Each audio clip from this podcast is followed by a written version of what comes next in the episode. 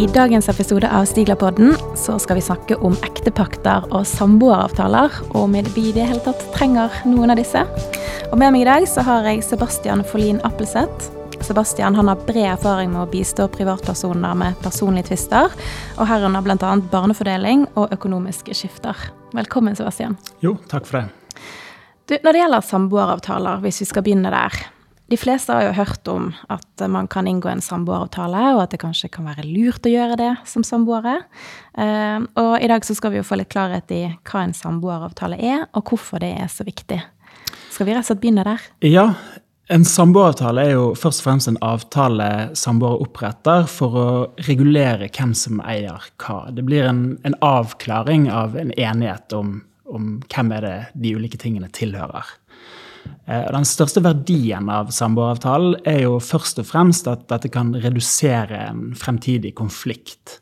Eh, hvis man ikke har en samboeravtale, så, så, kan det tenkes at man står i en situasjon hvor begge mener at eh, de har krav på en gjenstand eller penger eller ja. ja. Oppstår det ofte konflikter i slike ja, vi får jo inn veldig mange tvister fra privatpersoner som kommer og er fortvilet fordi at samboerforholdet er avsluttet, og man er fryktelig uenig om hvem som har krav på alt fra gjenstander til penger. Eh, eh, og da kan jo en samboeravtale være en, en, en grei eh, måte å unngå unødvendige konflikter. Med at man da har opp, inngått en, en, avtale som sier om hva man er enig om, eh, sånn at man da slipper å krangle om det. Mm. Men hvis vi begynner der at man har to samboere som velger å ikke være samboere lenger, mm. eh, hvor står man da sånn rent rettslig hvis det er utgangspunktet, at man ikke har en samboerkontrakt? Ja, Utgangspunktet for samboere er at eh, hver tar sitt ved et eh, samlivsbrudd.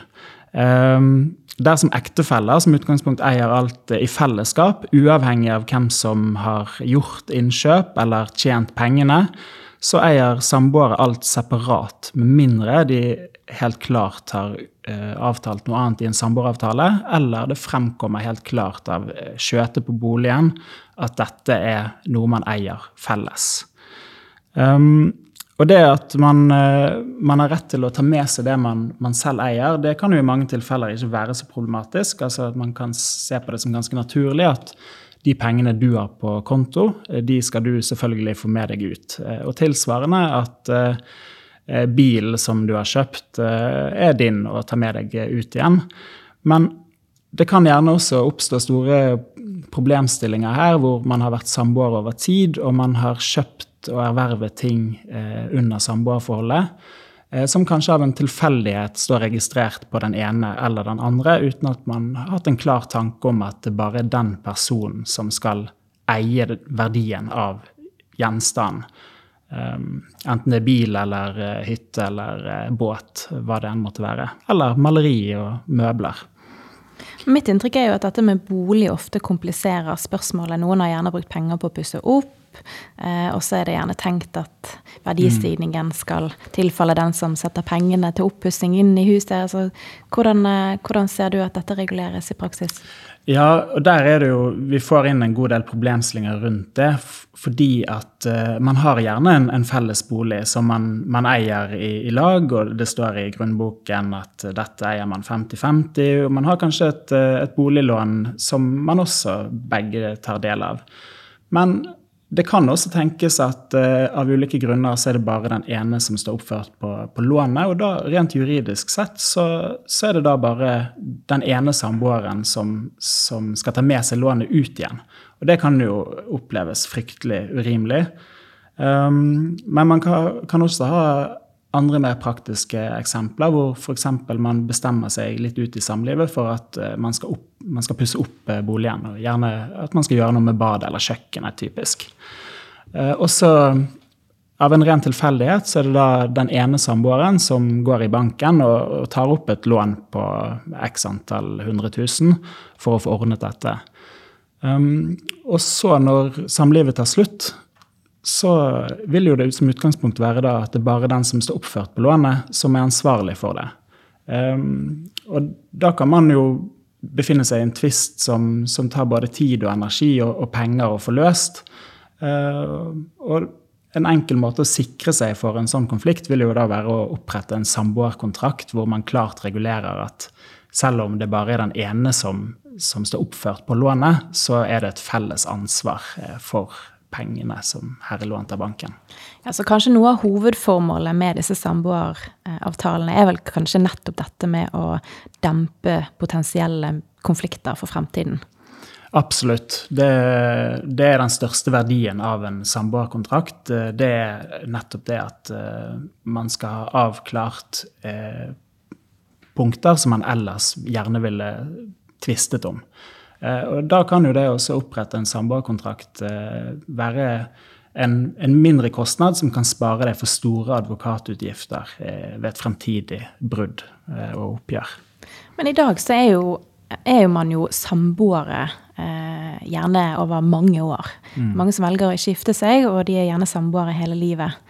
Er det sånn at man da bør oppdatere en sånn samboerkontrakt etter hvert, eller er det nok at man har inngått en samboerkontrakt for 20 år siden? Ja, det vil nok være veldig viktig å oppdatere. Samboerkontrakter det er ferskvare. Eh, sånn at eh, hvis man det man har regulert innledningsvis, det vil kanskje ikke være så aktuelt eh, ved et samlivsbrudd mange år frem i tid. Sånn at man tar gjerne opp mer lån gjennom samlivet. Man kjøper nye gjenstander. Alt fra småting som servise, som man tenker at dette er jo mitt og min investering, eller malerier, til større ting som at man da tar opp lån for å pusse opp og Da er det veldig greit å få inn dette i en samboeravtale, sånn at man har et, et klart uh, utgangspunkt på hvem er det som står ansvarlig for uh, gjeld, og hvem er det som skal ta del av uh, også positive verdier. Og, og, hvem er det som skal få lov å overta alt fra kopper og kar til de helt store tingene.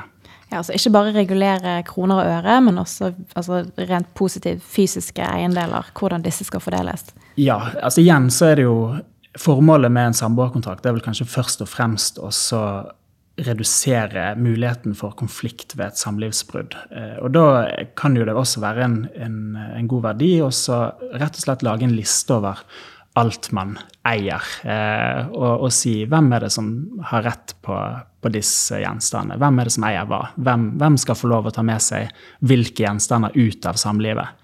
Um, og Der kan jo man gå helt ned på detaljnivå. Noen vil jo kanskje tenke at det er ikke så nødvendig, men, men det kan være en grei sikkerhet å gjøre like fullt. Så for noen par eh, der kjøpelisten er stor, så må man jo kanskje da oppdatere samboeravtalen ganske så ofte?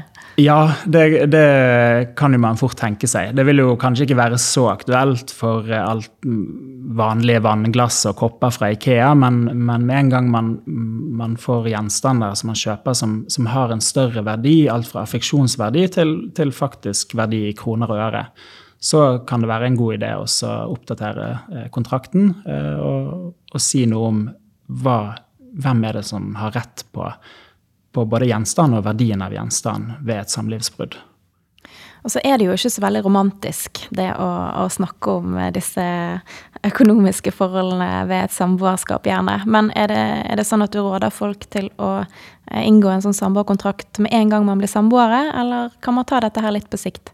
Man kan selvfølgelig ta det litt på sikt, men jeg tenker det har en klar verdi å gjøre det innledningsvis også. Um, for da har man eh, en avklaring som kanskje vil, vil ta vekk en, en bekymring eh, i samlivet. Og, og, kanskje til og med gjøre samlivet litt bedre, fordi at man har en sikkerhet om at selv om vi nå skulle komme til et brudd på senere tidspunkt, så, eh, så kan vi fortsatt eh, bevare vennskapet. Eh, ja, det, det er rett og slett konfliktdempende, og konfliktdempende er jo alltid bra. Det er alltid bra. Og det sparer jo ikke minst eh, gjerne både prosess og penger til advokatbistand senere dersom man skulle komme opp i en rettslig tvist. Ja, helt klart. Ja. Og så er det jo ikke alle som eh, går fra hverandre som samboere. Eh, noen velger jo da også å gifte seg. Eh, og i, i, hvilke tilfeller tenker du at de som gifter seg, bør eh, gå hen og skaffe seg en ektepakt? Ja, altså først og fremst en ektepakt, det er jo eh, Igjen, det, det kan sammenlignes litt med en samboerkontrakt, for det er en avtale som regulerer formuesforholdet mellom ektefeller. Sånn at Det vil jo være aktuelt å inngå både for folk som allerede er i et uh, ekteskap, men også for uh, de som har tenkt å inngå et ekteskap. Og når inngår man ektepakten? Er det før man har giftet seg, eller på den dagen man gifter seg, eller? Ja, det, det, kan man inngå både før man gifter seg, men, men, også etter man er gift. Så der er det jo ingen begrensning eh, i så måte. Man, man, kan ta det når behovet skulle oppstå, eh, om det er før eller etter. Og så er det jo da viktig å vite at skal man inngå en ektepakt, så er det visse formkrav som, som må følges for at den skal være gyldig. Ja, eh, ektepakt må inngås eh, med to vitner, som da signerer eh, samtidig som ektefelle. Og disse vitnene må være over 18 år, og de må være med sine fulle fem. Samboerkontrakter på andre siden de har ingen tilsvarende formkrav. Samboerkontrakten må du også oppbevare selv, mens for en ektepakt så vil du ha muligheten til å deponere denne hos Brønnøysund Um, og det kan jo være en, en, god investering for alle de som ikke har helt orden i sysakene. Uh, et langt uh, ekteskap, så kan man tenke seg at papirer kommer litt på, på avveie. og uh, Det er kanskje ikke så lett å finne de to A4-arkene oppe på et loft 15 år etter du har inngått avtalen. Det kan jo også gi trygghet å være konfliktdempende i seg selv. Ja, absolutt. Sant? Og så, Da slipper man eh, risikoen for å tenke at noen har vært og, og tuklet litt med dokumentene hvis man skulle komme dit hen i, i samlivet. Men er det sånn at samboeravtaler da, og ektepakter i realiteten eh, skal regulere det samme, bare at det er ulike formkrav eh, og regelsett som gjelder? Ja, altså det er noen, noen eh, markante forskjeller. Og da, og da, tenker jeg at Vi må se litt på hvordan formuesforholdet som utgangspunkt fungerer her. Eh, for som jeg var inne på, for samboere så er det helt klart at det man selv eier, det, det, det eier du selv. Det, det, er ikke sånn at andre har krav på din lønn eller det du kjøper for dine penger. Mens for ektefeller så er utgangspunktet sånn at eh, alt du erverver under ekteskapet, det blir felleseie. Eh, altså lønn som kommer inn på din konto, og det du eventuelt måtte bruke disse pengene dine på, det verdimessig så har din ektefelle krav på halvparten av dette. Og tilsvarende så har du krav på halvparten av det din ektefelle har. Um, og det kan jo for noen oppleves litt unaturlig, fordi at man er vant med en annen formuesordning som samboere. Uh, og det kan man avhjelpe med å inngå en ektepakt, med at man da sier at uh, uh, det hver har, det skal være dens særeie, som da er alternativet til felleseie. og det kan man avtale for både alt sammen, altså at alt hver har, skal være dens person sitt særeie, eller man kan regulere det for helt spesifikke gjenstander eller verdier. Så man kan da som ektefeller regulere hva som skal skje med formuesgjenstandene sine for det tilfellet at ekteskapet oppløses. Men har en ektepakt noen virkning også altså under selve ekteskapet? Ja, altså Effekten av eh, en ektepakt vil nok oppleves størst eh, ved f.eks. en skilsmisse eller et dødsfall, eh, fordi da verdier gjerne skal fordeles. Ehm, så det er vel lett å tenke at det, det er da ektepakten har effekt. Men ektepakten har også virkning under ekteskapet. Og det er viktig å huske på. F.eks. hvis man overdrar det felles bolig bare på den ene ektefellen så eh, vil den ha eh, full mulighet til å belåne hele huset alene. Eller for dens eh, kreditorer å ta pant ta, ta utlegg i, i, hele boligen. Um, så den har også virkning under ekteskapet, uh, selv om man da gjerne opplever effekten størst ved et uh, ja, skilsmisse eller uh, samlivsbrudd. Ja, så er det sånn at man først og fremst ved ekteskapets slutt eh, ser virkningen av en ektepakt sånn internt for ektefellene, men at ektepakten også regulerer da forholdet til tredjepersoner, som f.eks. kreditorer, underveis i ekteskapet. Ja, det, det, er riktig. Det er nok da man, man opplever det størst. Men um, det vil også ha en, uh, kunne ha en effekt ved, ved den ene ektefelles dødsfall. Fordi at man i ektepakten kan regulere nettopp det at uh, visse verdier skal være den ene ektefelles særeie. Altså at verdien skal eies av den ektefellen alene. Uh, det vil jo ha den effekten at, at den gjenlevende ektefellen kanskje arver mindre penger, mens barna får mer. Man kan også gjøre en regulering i ektepakt ved at særeie blir felleseie ved dødsfall, dersom ektefelle da selvfølgelig er gift når den første dør. Det vil jo da sikre at den gjenlevende får mer verdier etterlatt til seg. Så, så, her kan jo man være med og, påvirke eh, hvordan verdier skal fordeles, eh, i tillegg til den reguleringen man kan gjøre i et testament. Eh, så dette er jo noe man gjerne kan gjøre ja, sammen med testament for å få størst mulig effekt. Eh. Mm. Så er det sånn at for samboere så blir det da kanskje særlig viktig å få på plass et testament? Ja, for samboere så, så, vil jo et testament eh, kanskje ha en enda større betydning enn for ektefeller. Men, men, et testament vil nok være aktuelt for de aller fleste dersom man har særlige ønsker om, om hvordan verdiene eh, skal fordeles etter sin egen død. Mm. Eh, det er jo noe helt klart jeg ville anbefalt å, å ta en prat med advokat om. Mm. For å trekke parallellen igjen da, til samboeravtaler. Som du sier, samboeravtaler de kan og gjerne bør endres underveis. Men hvordan er det med ektepakter? Bør de, eh, bør de også endres etter hvert i ekteskapet? Ja, altså Med enhver avtale så kan jo det være sånn at det man har avtalt, eh, på et senere tidspunkt eh, ikke føles riktig. Eh, og da kan man eh, lage en ny ektepakt, hvor man da enten sier at den forrige ektepakten skal, skal forsvinne, altså, eller gå ut av virkning. alternativt så kan man kan man nyansere det man har regulert i den forrige ektepakten. Mm. Og er det da sånn at man igjen må følge alle formkrav? Man kan ikke bare legge et vedlegg til den? Nei, uh, formkravene er veldig viktige, så det må man følge og passe nøye på. Fint. Det, det, høres ut som at man kanskje bør sørge for at man har alt det formelle på plass, uansett om man skal lage samboeravtaler eller ektepakter. Ja, eh, det kan, en, eh, det kan være en, god verdi å sjekke to ganger at man har fulgt alle formkrav, sånn at man på et senere tidspunkt eh, ikke blir avspist helt med at eh, her har man gjort ja, handlinger som, som, ikke står seg rettslig.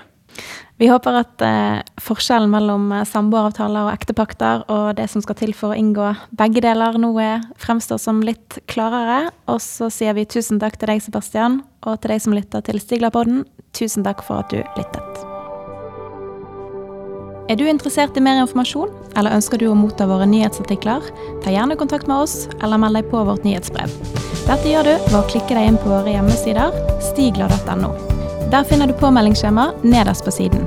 Klikk deg inn på stigla.no og ta kontakt med oss.